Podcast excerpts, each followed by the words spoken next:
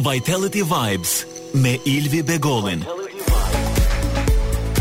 Një podcast kushtuar tërësisht shëndetit. Vitality Vibes në Top Albania Radio. Mirëmbrëma miq, si çdo të shtunë jemi në valët e Top Albania Radios live ku do të trajtojmë problematika të shëndetit në Vitality Vibes, një emision i cili do të thoja është për herë të parë në valët e Top Albania Radios. Unë jam Ilvi, unë e di që ju dini çdo gjë mbi shëndetin, lexoni gjithmonë internetin, Google-i është motori juaj i kërkimit më i madh ku merrni informacionet e duhura. Por patjetër që ne disa gjëra që nuk i gjeni dot në internet, vendosim që t'ju sjellim profesionistë të fushës për të trajtuar tematika të ndryshme ku ju do të jeni më se të mirinformuar. Unë nuk jam vetëm, nga ana tjetër e xhamit është DJ Arten dhe sot kam një të ftuar shumë speciale që e kam mikesh prej shumë e shumë vitesh. Dhe është psikiatre. Ne do ta mbysim doktoreshën sot me pyetje, do marrim informacione nga më të ndryshmet për shëndetin mendor, për Big Brotherin, për rrjetet sociale, por në fakt në fakt dua të zbuloj një veçanti të doktoreshës, sepse doktoresha ka një eksperiencë shumë interesante Me të dënuarit në burgun e Shënkollit. Mo, si, dhe ti. Atëherë, me mua sot në studio, Artiola Hoxha, psikiatre. Mirë se erdhe dhe shumë faleminderit. Mirë se të gjeta, Ilvi. Doktoresha, si është të punosh me me të burgosurit. Pra si është eksperienca e një psikiatri me të burgosurit? Jam shumë kurioz në fakt, po të pyesja çfarë edhe do doja shumë që ta ndaja si eksperiencë me dëgjuesit. Mm, po, praktikisht Shqipëria nuk e ka një psikiatri forenzike dhe logjikisht janë marr janë marr situata të tilla ku futen në institucione të burgjeve pavarësisht se do të kishte një psikiatri forenzike të menaxhuar nga Ministria e Shëndetësisë, e cila Ëm um, nuk është momentalisht, por në, në situatën që menaxhohet nga sistemi i burgjeve, ka të njëjtën hyrje në institucion si në një institucion burgu, pavarësisht se është institucion shëndetësor ku menaxhohet nga mjekë të mirëfilltë dhe me profesionalizëm pavarësisht pavarësisht faktit se është institucion burgu. Besoj që ata që janë të dënuar kanë më shumë problematika mendoj të të shëndetit mendor po, që shumë të shkojmë kështu. Po janë po janë të shkaktuara nga në një në një gjendje të caktuar që vjen normalisht nga problematika e shëndetit mendor, por ama janë me urdhër gjykate dhe kanë kryer një vepër penale të cilën logjikisht i vijnë aty për një rihabilitim të sjelljes së tyre, të paktën të bëhen më të përshtatshëm për shoqërinë, pra për një integ riintegrim në një shoqëri. A është i rëndësishëm psikiatri, psikologu, po le të themi psikiatri, se kam përshtypjen po, që psikiatrit janë çik të rrallë në dhe psikiatër, ka dhe, dhe psikiatër dhe psikolog dhe edukator dhe, dhe janë nga të gjitha fushat që mbështesin këtë formë riedukimi. Rikthimi dhe përshtatja. Është eh, interesante për ju, domethënë të kesh pacient që mendoj janë pak të veçantë, se nuk janë si ata tjerë që thonë më kap ankthi, po aty mund të kesh pacient që kanë bërë vrasje, ë eh, kanë vepra të ndryshme penale ku në një po, lloj mënyre. Po ne kemi bërë betimin e Hipokratit. bashkarisht. Kështu që logjikisht në momentin që ke bërë betimin e Hipokratit nuk e shikon më veprën e kryer dhe në momentin që mbase je ndikuar e e zhvesh veten nga nga një mendim paragjykimi në rast të tillë. Pra ka vepra të tilla, po ka pacient të rrezikshëm, është rrezikshmëria është e lartë prandaj dhe ka një izolim të caktuar. por që nuk të tremb deri në momentin që ti e ndihmon nëpërmjet terapisë, psikoterapisë dhe logjikisht ka një institucion të mirëfilltë ku ka punonjës policie të cilët dhe ata bëjnë një punë të mrekullueshme në asistimin që ju bëhet dhe janë kthyer dhe, dhe ata kanë marrë informata rreth rreth mjekësisë goxha, rreth mjekësisë se përsa i përket pjesës psikiatrisë, pra se janë jemi një staf multifunksional në atë Jeni të mbr jeni të jeni të mbrojtur pa pra pak a shumë jeni të mbrojtur me ç'po kuptoj. Domethënë nuk ka ndonjë rrezik për ë një mjek sidomos për shembull qasja mashkull femër se ndonjëherë mund të kesh mund të kesh një pacient i mm. cili Pa sheh një doktoreshë femër që qëndron mbyllur për një kohë. Nuk e ndjen sepse masat e marra janë është menduar mirë që masat e marra janë totalisht për të mbrojtur. Pra, policia, uh, sistemi policor është i atillë që ke ke masa të marra si për mjekun, si për pacientët me njëri tjetrin sepse një pacient i cili mund të jetë në psikozë të caktuar në një fazë të një agjitacioni psikomotor mund të jetë i dëmshëm edhe për pacientët e tjerë dhe për mjekët dhe për stafin infermieror ashtu edhe për, për psikologët. Por kemi një polici të pa armatosur, e cila ndikon dhe e mban çdo gjë nën kontroll, pra realisht ka pas një menaxhim të mirë dhe kalimi ë, si institucion realisht ka ka, ka një mirë menaxhim. Gjithsesi mendoj që është interesante të punosh me një lloj kategorie të tillë pacientësh. Po e bukur, është eksperiencë e bukur sepse ke 400 e diçka pacientë të të cilët të gjithë i kanë sytë te psikiatri. Te psikiatri. Sepse mbase edhe po të kishin marrë medikamentet rregullisht para se të para se të bënin, para se të ishin në atë gjendje. Pra, faktikisht pacientin e them gjithmonë, pacienti është viktimë. Nëse do kishte marrë medikamentet në kohën e duhur, logjikisht mbase s'do kishte arritur dhe në këtë veprim. Në fazën psikotike pacienti ka frikë, është i është i trëmbur, prandaj mba, prandaj dhe bën veprimin, dëgjon zëra urdhëruese. Nëse do kishte marrë një antipsikotik, do kishte qenë e menaxhuar më përpara si gjendja. Për t'ju rikthyer pak këtyre diskutimeve tona se Ça s'kemi thënë para se të fillonim bashkë, kështu që duhet i transmet, duhet t'i fusim në emision që t'i transmetojmë dhe t'i dëgjojnë të gjithë. Ë kush është diferenca midis psikiatrit edhe psikologut? Domethënë njerëzit ku duhet shkojnë te psikologu apo te psikiatri dhe si ta kuptojnë që duhet shkojnë tek një profesionist nga këta të dy. Ëm um, as psikiatri dhe as psikologu nuk bëjnë dot pa njëri tjetrin, por që ndryshimi mes të dyve është që praktikisht psikologu nuk mund të japi, nuk i jep dot terapi, kurse psikiatri është një mjek i cili mund të japi terapi përveç se mund të bëjë dhe një plan zhvillimor se si do trajtohet në në formë të mëtejshme. Por vajtja tek psikologu është ndihmë plus për psikiatrin, sepse psikiatri dhe psikologu trajtojnë dy traj, trajtojnë dy tematika të ndryshme. Pra, një psikiatër e di jep diagnostifikimin, kurse psikologu në formën e tij fillon edhe e ndihmon me anë të psikoterapisë se si mund ta i riintegrojë. Pavarësisht edhe psikiatri mund të bëjë psiko, psikoterapi të mirëfilltë. A kupton? Por gjithmonë, nëse ke nevojë për psikiatër dhe për psikolog, e vendos psikiatri, se mund të kesh realisht nevojë për një terapi medikamentoze dhe E pra, kjo është e rëndësishme për ta për ta specifikuar se ë uh, unë për shembull mund të kem në një një mjegullim në në kokën time dhe them, "Jo, shkoj një çik te psikologu, të falem njëra tjetrën, të flasim çik, komunikoj edhe mbase më qartëson, ë?" Po, un kam vënë re se Por s'e di a është e duhura. Po, kam vënë re që frika Ka shumë ra, do të thënë ka shumë psikologë ndonjëherë që punojnë me vite të tëra me të njëjtin pacient për t'i mbushur mendjen që të shkojë tek një psikiatër që sepse nuk është problem, nuk është problem të kesh kontakt me nuk është problem që të kesh ndihmë shpe, plus nga një medikament, nuk do krijosh varësi sepse kanë dhe frikën e varësisë. por që vjen provoje sikur një muaj, mbase do të të ndihmojë, mbase kjo rënie, kjo ulje e vetëbesimit, kjo rënie e humorit mund të të ndihmojë medikamenti mund të ndihmojë mbas një muaj sepse dihet që pas një muaj terapia fillon edhe jep efektin e saj.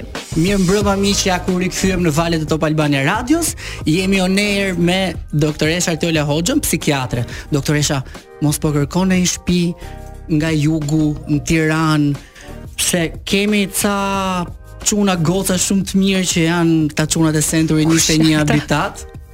Edhe për ty për shembull që jeton Durrës dhe mos do të transferohesh në Tiranë, të jap direkt numrin e Denisës të kontaktosh edhe të kemi komshie këtu afër se në fakt edhe këta zyrën e kanë këtu afër Topit, kështu që i kemi direkt, sa dalësh nga emisioni direkt vjen te ty. Ok, jam dakord. Qoftë se jeni duke kërkuar grupin e konsulentëve më fantastik imobiliar në 067 27 66 008 Century 21 Habitat është një ndër kompanitë lider në tregtimin dhe menaxhimin e pronave. Jepi dhe numrin tim të japin sa është me trikatror. Direkt. Doktoresha për t'iu rikthyer diskutimit. Doja të të pyesja pak në fakt, ne vërtet folëm për psikiatrin edhe psikologun, por kur është mosha që ne mund t'i drejtohemi psikologut edhe psikiatrit? Pra në çfarë moshe ne mund të kemi probleme që duhet vijmë te ju? Atëherë, Për sa i përket uh, problematikave vjen që në, që sapo lind fëmija duhet nëse vihen re problematika në neurozhvillim prindi është ai që i drejtohet uh, neurologu dhe neuropsi. Si fillim neurologu sepse kanë goxha avergjenc nga nga ideja e të shkuarit te psikiatri, pastaj shkohet te psikiatri dhe zakonisht momenti kur hasen është mbas moshës 2 vjeç e gjysmë kur fëmija nuk flet dhe më shkohet te psikiatri por se është moshë e hershme për të bërë një diagnostifikim të mirëfilltë nëse kemi të bëjmë me çrregullimin e spektrit të autizmit por vihet fillohet që nga kjo moshë në problematika të caktuar dhe pastaj psikiatri është ai që ndan nëse ka nevojë për logopedi nëse ka në qoftë se ka çrregullime të caktuara se mund të ketë çrregullime të ushqyerit, ka çrregullime të të folurit. A dhe këto domethënë duhet duhen ardhur tek ju. Po, sepse në trauma të caktuara, sidomos fëmijët e pandemisë ka pasur problematika të mëdha tek fëmijët sepse izolimi nuk ndikoi vetëm tek prindrit, po ndikoi te prindrit duke mos pasur gëzim apo mos dhënie, mos dhënie tek fëmijës, sepse duhet ti duhet të japësh duhet jep gëzim, jep aktivitet, jep shumë gjëra. Po, qëndrimi mbyllur, qëndrimi mbyllur e bëri bëri një mungesë socializimi, ne jemi qenie sociale, ne kemi nevojë të komunikojmë dhe fëmija mëson nga 0 deri në 2 vjeç fëmija mëson dhe fëmijët e pandemisë patën vështirësi në të folur dhe shumë prindër shumë prindër mbase edhe rreth i afërt që mund të them që kam patur ka ka patur drejtime nëpër logopedë për ndihmën dhe artikulimin. Qëndrojmë pak te fëmijët se kam një pyetje pak me spec. Shumë e shumë kohë më përpara, për shembull, ne kur shikonim një fëmijë që ishte çik kështu si i hedhur, thonim, është çik çamarrok, çik çik çapkën, s'lë dy gur bashk. Ë sot në botën moderne këtë hiperaktivitetin e konsiderojmë si një sindrom ADHD dhe me ç'shof unë edhe ç'lexoj duke qenë dhe çik kështu si njeri i fushës dhe që më interesojnë këto gjërat, them Ne si ja kemi pas bërë kur kishim këto fëmijët që shkatronin gjithçka, edhe hidhnin gjithçka për tokë, edhe ishin super aktiv dhe hiperaktiv, se po shikoj që konsiderohet sindrom dhe që paska nevojë dhe për mjekim. Po shikoj se në atë kohë shtëpinë ta jepte shteti, po, dhe nuk ishte shumë problem po ta prishnin tani. tani e blen. Po e vërtetë është kjo. Ju që qëndro aty. Qëndro aty. Por që gjithsesi um, realisht në vitin një, në vitin 1902 të diagnostifikuar janë vënë re këta fëmijë të cilët kanë një mungesë në përqendrim dhe një munge kanë dhe hiperaktivitet janë vënë re nga psikiatrët fëmijët po janë diagnostifikuar për të parë që këta fëmijë janë ndryshe. Kanë mungesë në vëmendje, kanë dhe mungesë në uh, kanë dhe një mungesë, kanë dhe shumë hiperaktivitet. Por, ajo që është në vitin 1000, tek vitin 1980, ka filluar që të, të konsiderohet si një uh, patologji, e, po, mos, patologji AD, ADD, pra një mungesë në, në një mungesë në vëmendje, dhe e nuk e konsideronin pjesën e sjelljes, se më më vonë në vitin 2000 mbi mbi 2000 është diagnostifikuar që ka dhe pjesën e hiperaktivitetit, por kjo vëmendje e këtyre fëmijëve është nuk nuk është se duan mos ta kenë, nuk është se janë çamarrokë, por truri i tyre është në një sistem, sepse kemi mbi 8 miliardë neurone, të cilat në trurin e tyre funksionojnë në atë formë që si shumë ekrane që vendosen dhe ti dëgjon audion e të gjitha këtyre figurave të shkëputura dhe ky sinjal i cili të vjen të vjen nga pak nga secila ose si të jesh në një vend pa valë dhe je duke biseduar pra dhe informacioni i marrë është gjysëm i marrë dhe gjysëm jo i marrë pra vëmendja e tyre vjen vullnetare në momentin që sinjali i tyre funksionon i tillë, pra nuk është për të paragjykuar, sepse mësuesit në shkollë e diagnostikojnë, thonë që po sikur të bëje kaq mirë sa ç'bën në futboll, sa të të ishe kaq vëmendshëm në klasë, nuk është në në fuqinë e këtij në individ. Pra dhe nëse kanë mësuar një ditë përpara, pra është është në qoftë se një ditë përpara do kenë mësuar, ditën tjetër nuk japin.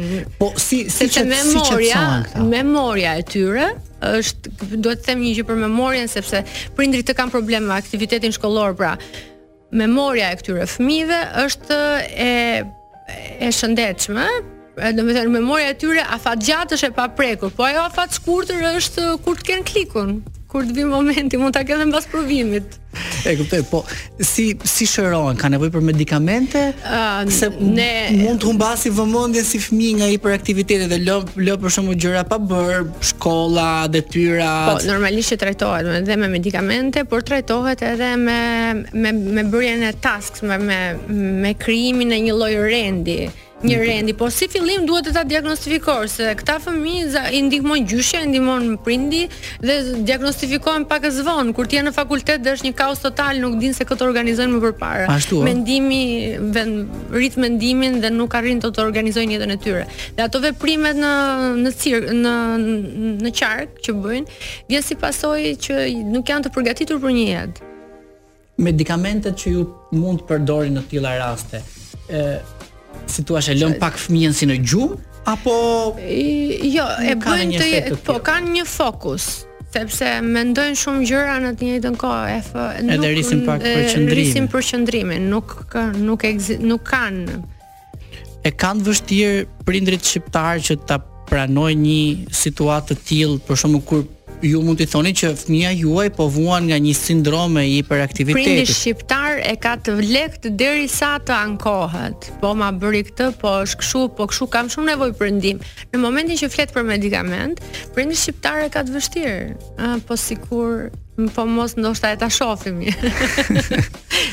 Është qasja deri tek terapia është e vështirë sepse ekziston stigmatizimi dhe ka disa bias që ne na identifikojnë pra në qoftë se të merret e dihet që dikush përdor një medikament praktikisht është mënyra se si reflektohet dhe afektohet në botën përreth po, pra po, po. reflekton si i sëmurë dhe i afekton gjithë jetën. Ne ne, unë mbaj mend për shembull po edhe sot shof këto format në qoftë se mund t'i quaj kështu bullizime, nuk e di nëse është termi i duhur, po stigma në përdor. Kur, kur shikojmë një e, kur shikojmë një person për shembull që e dimë që ka shku te te psikiatri ose te psikologu, a ka ca probleme ky?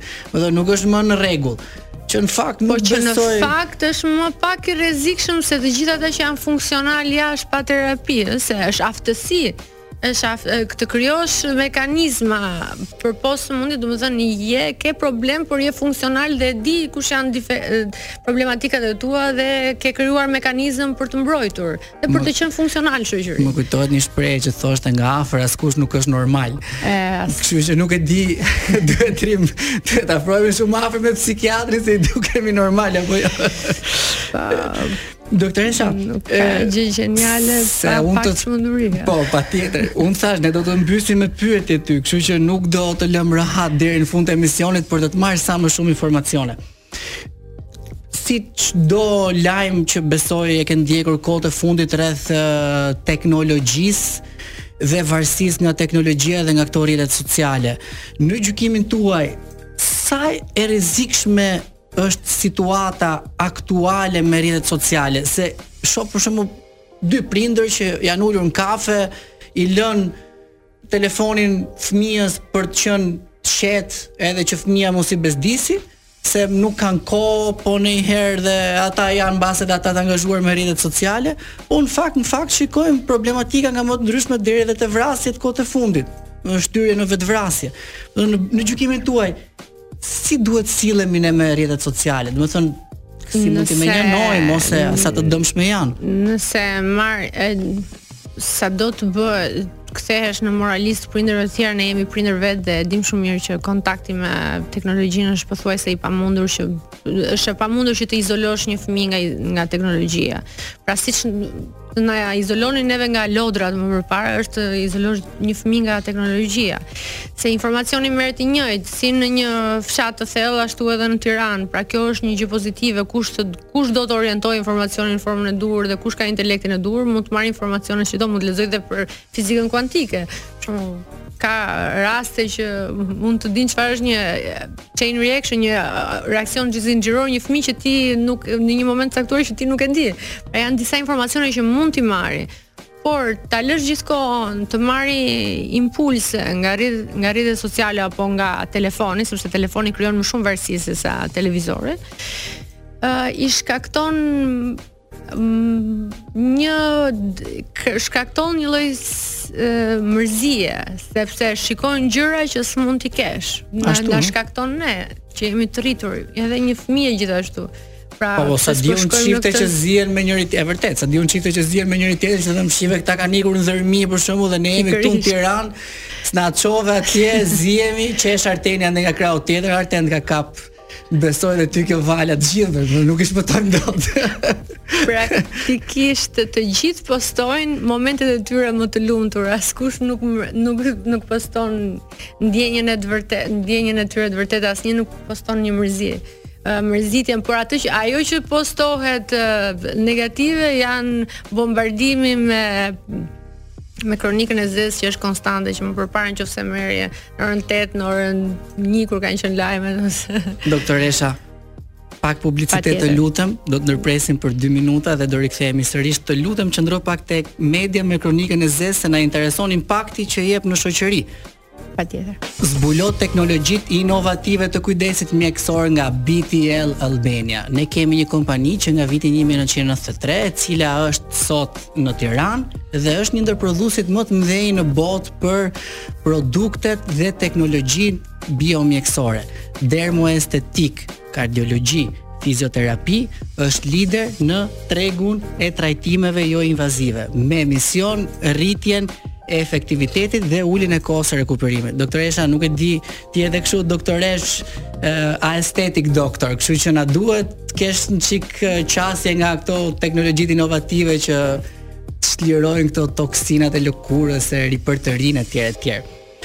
Mirë, e lamë diskutimin tek mediat që na japin këto informacionet e kronikës së zezë dhe që njerëzit po. janë gjithë fokus aty te kronika e zezë. Ça ça na ndjell ne si si individ. Domethënë pse jemi aq të fokusuar tek sherri, tek vrasjet, mënyra se si e shikojmë në momentin që kemi kronikë të zezë konstante në social media, pra kemi jemi të bombarduar nga lajmet e dhëna në televizor, praktikisht na bën që të duket që bota e sotshme është më e pasigurt se sa ka qenë, por nëse marrim në kuadër historie, në kuadër historik vihet re që tashmë është jeta e individit dhe të drejtat e njeriut na bëjnë më të sigurt se sa kemi qenë. pra, ka ka problematika nëpër botë, por nuk merreshin, nuk ishin kaq shumë të informuar njerëzit dhe kjo gjë na rrit ankthin, na rrit pasigurinë, na izolon nga ana sociale, na bën njerëz më pak komunikativ ndërkohë që ne jemi ne jemi qenie sociale dhe ne marrim kënaqësi nga komunikimi po nga ana tjetër mendosh për shembull pozitivisht, e rrit energjinë e mirë, pra nëse ne mendojmë gjithë kohës Jemi pozitiv, të qeshur. Nëse më thua mua, unë e përdor teorinë e universit e tërheq. Pra un kam dëshirë në darkë ta bëj, por është një gjë që është përtej psikiatrisë. Është është përtej psikiatrisë, pra të ndihmon, të por edhe të kesh një mendim negativ, pra të përgatitesh para një provimi, sepse duhet të kesh mendimin që ai se dhe mund të ngel, kjo është adrenalinë pozitive, por praktikisht të ndihmon që të jesh më i fokusuar dhe të japësh performancë më të mirë. Por mendimi pozitiv ndikon pozitivisht gjithmonë për ëndrra të caktuara që janë të realizuara, mos të vuajmë nga sindroma e ëndrrave të paralizuara. Kur ne jemi në ankth, themi gjithmonë me veten, obobo jam si në ankth sot. Po sepse kemi si somatizim. Që jam në ankth. Nuk e kupton në fillim. Nuk e kupton të dhemb koka, të dhemb mesi, ke dhimbje stomaku, ke ke somatizime, pra duket sikur po të dhemb, po të dhemb zemra, sikur je 20 vjeç me probleme kardiake. Kë organe prek ankthi, zemrën, stomakun kë ku na ku na transmetohen këto energji. Duke qenë se se kap nervin vag, i cili kap një pjesë të madhe të Kështu që kemi te stomaku. Pra e kemi stomakun, zemrën, pjesën e frymëmarrjes, pra kap një sërë. Dhe prandaj është më Po depresioni? Depresioni është një ulje e humorit. Pra kemi depre, depresionin, a e kuptojmë kur na kap po, këtu do të thotë. Kur jemi në depresion. Um... Ose kush na çon ne te psikiatri që thotë, "Ore, shiko, se më je keq, duhet të shkosh te psikiatri." Dhe ti ai është në depresion. Sa e thotë njeri? Kush na dallon ne?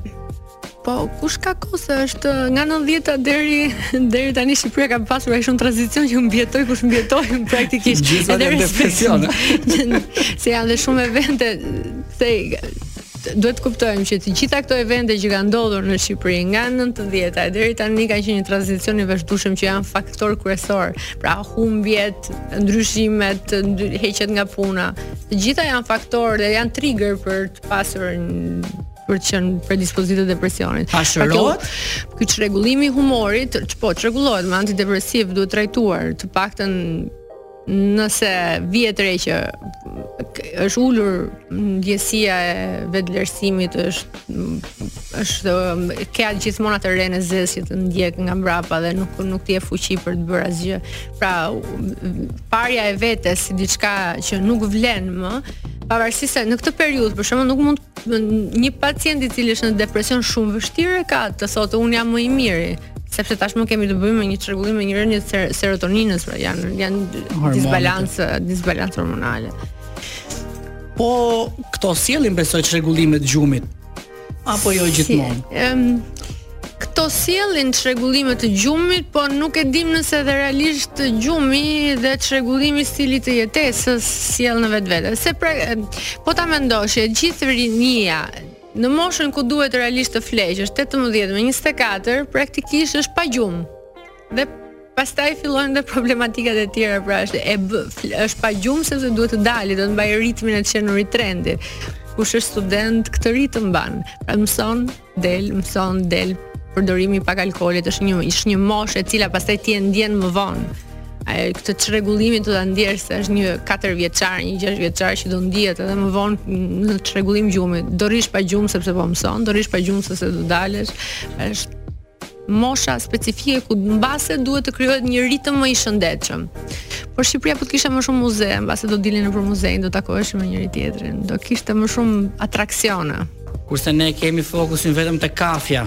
Sepse në kohët e më përparshme Shqipëria ka pas një bulevard ku dilin të gjithë edhe takoheshin. Tashmë nuk e ka një bulevard, e ka një nuk e ka një vend ku bëhet ajo pasarela ku njerëzit takohen dhe shikohen. Tashi ti më the që ankthin dhe depresionin ne e shërojmë me medikamente. Po kur gocat dalin dhe bëjnë shopping, edhe janë aq të çliruara nga harxhimi i lekëve se janë duke bërë shopping, edhe janë aq aq kështu emotive dhe aq të gëzuara se kanë kanë bërë shopping dhe kanë harxhuar një pjesë të parave.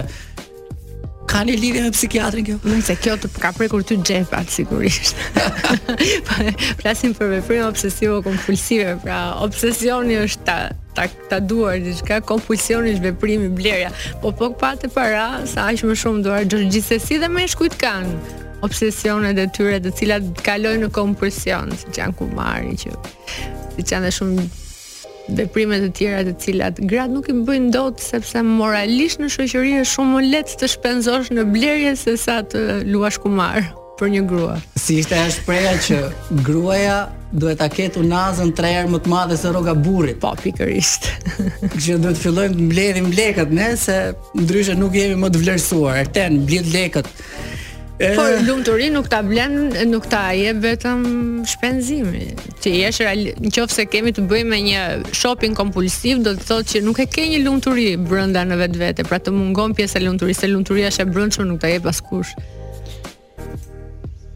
Ndalemi pak Te një ndër ato programet që sot flasin gjithë shqiptarët dhe janë gjithë me sytë edhe veshët, sidomos ditën e shtunë, që është Prime Big Brother.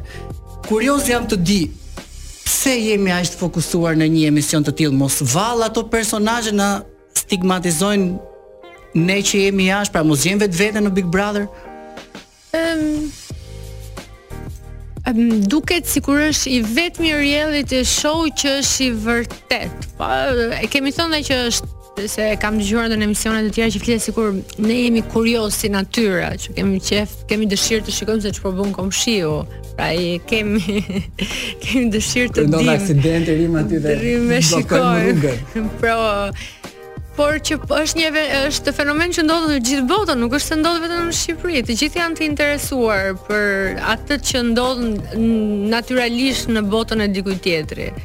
Por kurse për pjesën e sherreve, mendoj që janë të, të sidomos në këtë Big Brother që është Big Brother VIP, që të gjithë janë natyra ekstroverte, në një natyrë ekstroverte ë kërkon që të bjerë në sy dhe kemi dhe automatikisht një natyrë ekstroverte ka dhe tipare narcizistike, një narcizoide që nuk do t'i prishet ai mendimi që po nuk mund t'i prishet ajo që mendon. Ë kërkojnë që të jenë gjithmonë qendra e vëmendjes dhe qendra e universit. Mbase prandaj ka dhe debate të caktuara. Thuhet që dikush nga ato banorët aty vuan nga bipolariteti. Si e kuptojmë ne që është një person bipolar? Do të thonë është ai që një herë qesh, një herë qan?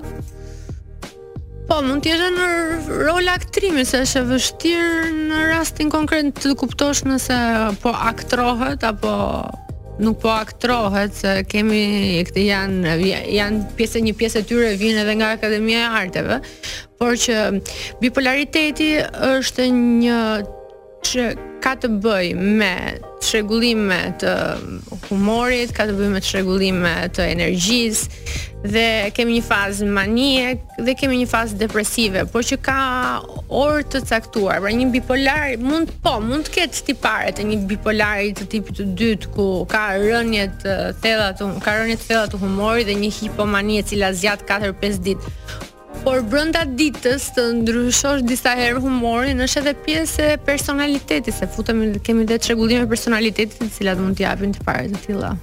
Është më e se, nuk duket të ketë një një çrregullim bipolar pavarësisht se Hej miq, ja ku u rikthyem në Vitality Vibes me doktoresh Artiola Hoxhën, mjeke psikiatre, ku Për çfarë nuk e pyetëm sot? Morëm informacion nga të gjitha fushat për sa i përket shëndetit mendor, depresionit, të ankthit, si t'i shpenzojmë paratë dhe të, dhe të jemi të lumtur, pavarësisht se doktoresha thotë që paraja nuk sjell lumturi. Ë, doktoresha, një diskutim të fundit që po e shikoj si fenomen i botës moderne, jo të gjithë e përqafojnë në vende si Amerika, Kanadaja po shikoj shumë ë mosha të reja 13-14 vjeç, të cilët në momentin që shfaqin procese të ë gjykimit apo mendimit apo ndjesisë që dikush është çun edhe duket si gocë apo dikush është vajzë dhe duket si djalë fillon transformimi në atë seksin që ne e quajmë sot transgender. Pra fillon një transformim që nga mosha 13-14 vjeç i atyre fëmijëve apo preadoleshentëve të cilët duan të ndryshojnë seksualitetin ose kanë ato prirjet. Mos është çik herët kjo Në Amerikë i jepet fokus shumë të madh për çfarëdo lloj problematike. Shkon te psikiatri dhe merret e mirëqenë që shikon, kam këtë shqetësim dhe duhet ta zgjidh dhe në qoftë se nuk zgjidhet, psikiatri mban përgjegjësi për ndonjë veprim që mund të shkaktojë pacienti i tij, por në rastin konkret nga ana psikiatrike një ata që shndërrohen në transgender kanë gender dysphoria quhet, një çrregullim në parjen e tyre të trupit, një çrregullim në parjen e gjinisë së tyre. Dhe kanë ndjesi të caktuara siç mund të jetë uh, ankthi, mm, kështu bien në depresion, nuk e pranojnë veten, izolohen, kanë çrregullime të të ushqyerit, kanë çrregullime të sjelljes dhe praktikisht kjo gjë i ndihmë i shtyn familjarët që të cilët e mbështesin si e mbështesin derisa të bëjnë moshën 16 vjeç sepse fëmijët në marrin këtë rritjen e parakohshme në moshën 16 vjeçare në Amerikë që mund të mund të bësh vetë veprime dhe pa konsensusin e familjarit. Por ë për mendimin tim si psikiatër, logjikisht duhet të ish duhet të ishte të paktën deri në moshën 24 vjeç ku mbaron procesi i mirëfilltë i rritjes së individit dhe, dhe sidomos i rritjes së trurit Pra mund të ndodhi që nuk është çështje e parjes së vetes në vetvete. Pra, ne që në kohë të lashta kemi pasur kemi një dashur nuk në kohë të lashta nuk ka pasur dashuri të mirëfilltë mes gjinive. Pra dashuria ishte dashuri, si si me gjininë e njëjtë. Dashuria ishte dashuri. Si me gjininë e njëjtë. Doktoresha si ne nuk jemi vetëm se me ne është bashkuar Albana për Big Brother Radio. Big Brother Radio vetëm pas pak, nuk e di sa minuta kemi, se pashë pyete pak doktoreshën për uh, si të dallojmë aty brenda, po. Ta lë doktoreshën këtu vazhdo prapë. Do ta lësh. Jo se kam Isli Islamin sonte për të komentuar, duke qenë se jemi një orë para prajmit, pothuajse, sa të përfundosh ti të jepen dhe lajmet, jemi Zyrtarisht një orë para prajmit të madh do të ketë shumë ngjarje për t'u diskutuar, kështu që mendoj se do të jetë një nga ato prajme i cili e ka kaluar temperaturën e vlimit dhe ka mjaft ç'të thuhet. Doktoresha, ishte shumë kënaqësi që unë të kisha sot në Vitality Vibes. Shpresoj të rishikohemi dhe të takohemi herë të tjera dhe, dhe të diskutojmë. Dhe kuptuam që kemi çdo gjë që ti shpjegove. Çdo simptom. po në fund triumfon dashuria, kështu tha doktoresha. Dhe si nga kohët e lashta. Edhe duhet të bësh sa më shumë shopping Albana se të bën që të ndjehesh mirë, kështu që duhet të shpenzosh. Çfarë do t'i bëja më shopping. shopping e bën me çejf. Pavarësisht se doktoresha thotë prapë që paraja nuk të bën të lumtur. Lumturia është e brendshme. Është e brendshme, po indikatorët e jashtëm po, mendoj po, që mm, ashtu si dashuria nuk është si në kohët e vjetra, edhe edhe lumturia ka ndryshuar koncepti. Është një gjë që na shitet dhe ne në një formë apo në një tjetër e absorbojmë edhe nëse nuk e blejmë ashtu siç na shitet. Do ta mbyllim. Do ta mbyllim patjetër. Faleminderit miq që ishit në valët e Top Albania Radios në Vitality Vibes. Ë deri javës tjetër. Mirë u dëgjofshim dhe një fundjavë të marr të mbar në shoqërinë e Big Brother. Të marr, më të marr, se jo të marr.